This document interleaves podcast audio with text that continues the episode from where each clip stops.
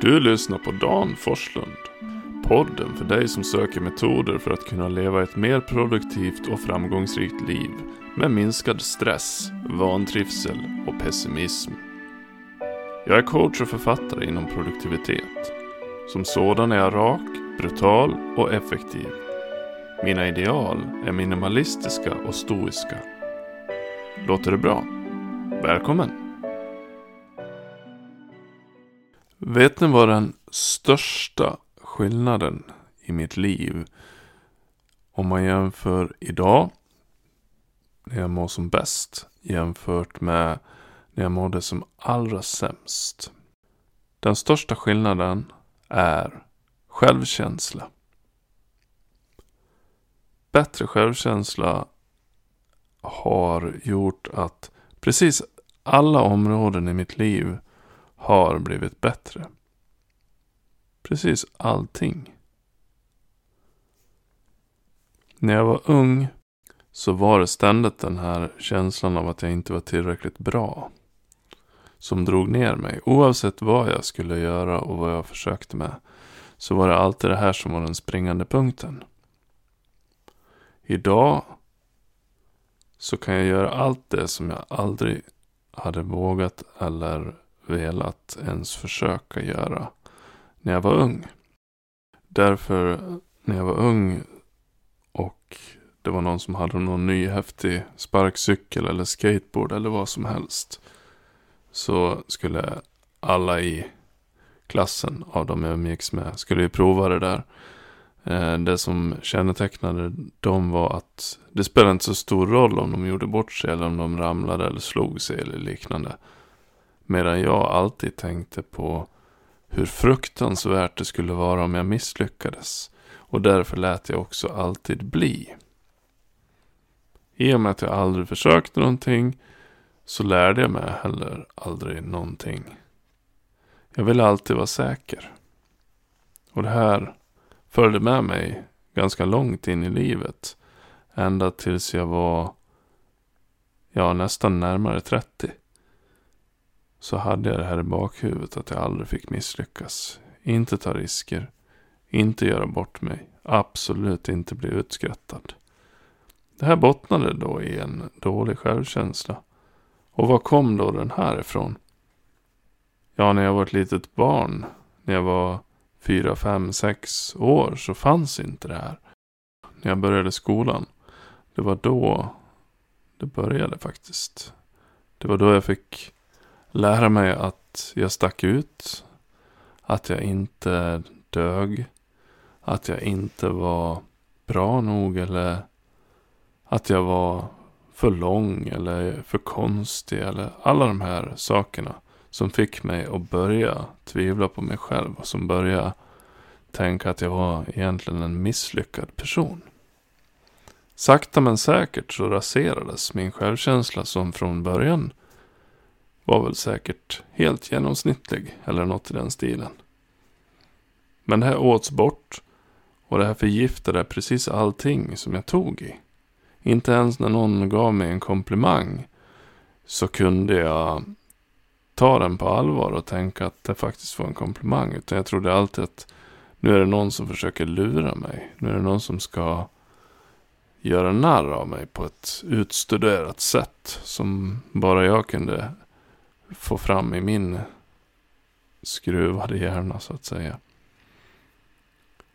Men jag vill inte uppehålla mig vid någon form av offertänkande där utan jag kan bara konstatera att idag så har jag en bra självkänsla. Och nu vill jag ge några råd till er hur ni kan få en bättre självkänsla. För genom att odla en bättre självkänsla så kan ni bli mer produktiva faktiskt i slutändan. För den som tror mer på sig själv, den gör också saker bättre. Den personen tänker inte så mycket på vad andra tycker.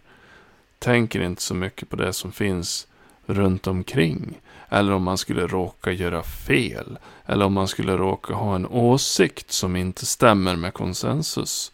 Eller någonting överhuvudtaget som gör att man sticker ut. Har man en bra självkänsla, då var det ju skitsamma. Då kan man gå och köpa korv i simfötter och med gethjälm liksom. Det är ingen som bryr sig så mycket. Men hade jag kunnat gjort det när jag var 25? Nej, nej, nej, nej, nej, nej, nej. Då gällde det att vara korrekt och perfekt hela tiden. För att självkänslan var skjuten i sank. Varför fick jag bra självkänsla? Det är en bra fråga att ställa sig. Ja, framförallt så utsattes jag för prövningar. De var ofrivilliga. Den första prövningen i mitt liv, den kom ju från just det här med att jag hade börjat tvivla på mig själv. Att jag hade börjat ta åt mig av elaka kommentarer i skolan. Och kommentarer om att jag var stack ut, att jag var huvudet längre än alla andra. Och att jag betedde mig konstigt. Helt enkelt för att jag var rädd att misslyckas, så att jag var så pass nervös. Så att jag betedde mig ju helt mysko. Den andra prövningen i mitt liv, det var ju de här åren med ångest. Och där fick jag lära mig hur det känns att vara jag på riktigt. Hur kroppen funkar. Jag fick lära mig att jag hade negativa tankemönster som gjorde att jag mådde dåligt. Som eh, vidare ledde mig till nya upptäckter som jag aldrig hade fått om det inte vore för det. Och kanske hade jag inte fått ångesten om jag inte hade blivit illa behandlad i skolan så att säga. Så att det ena gav det andra. Eh, det tredje, det var min skilsmässa. Som också gav mig perspektiv på vem jag var. Och vad jag ville ha i livet. Att jag behövde vara tydlig med vad jag ville. Sådana saker som jag inte hade tänkt på. De här tre upptäckterna gjorde att jag framförallt efter skilsmässan fick omvärdera vem jag var. Framförallt vad jag ville ha. Jag hade ju redan fått in den här rutinen med att sätta mål. Så att jag hade redan en hel del personlig utveckling bakom mig. Som främst kom från ångesten.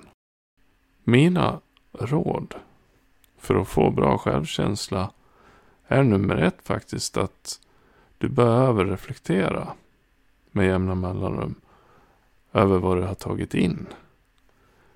För mig så är det främst meditationen som har hjälpt mig och frikoppla mig från mig själv. Detachment som det kallas på engelska. Alltså koppla loss från mina upplevelser och fundera över vem är jag? Vad vill jag ha? Vad är det jag upplever? Hur kommer jag att reagera? Varför håller jag på att bli arg? Utöver meditation så är det just goda rutiner.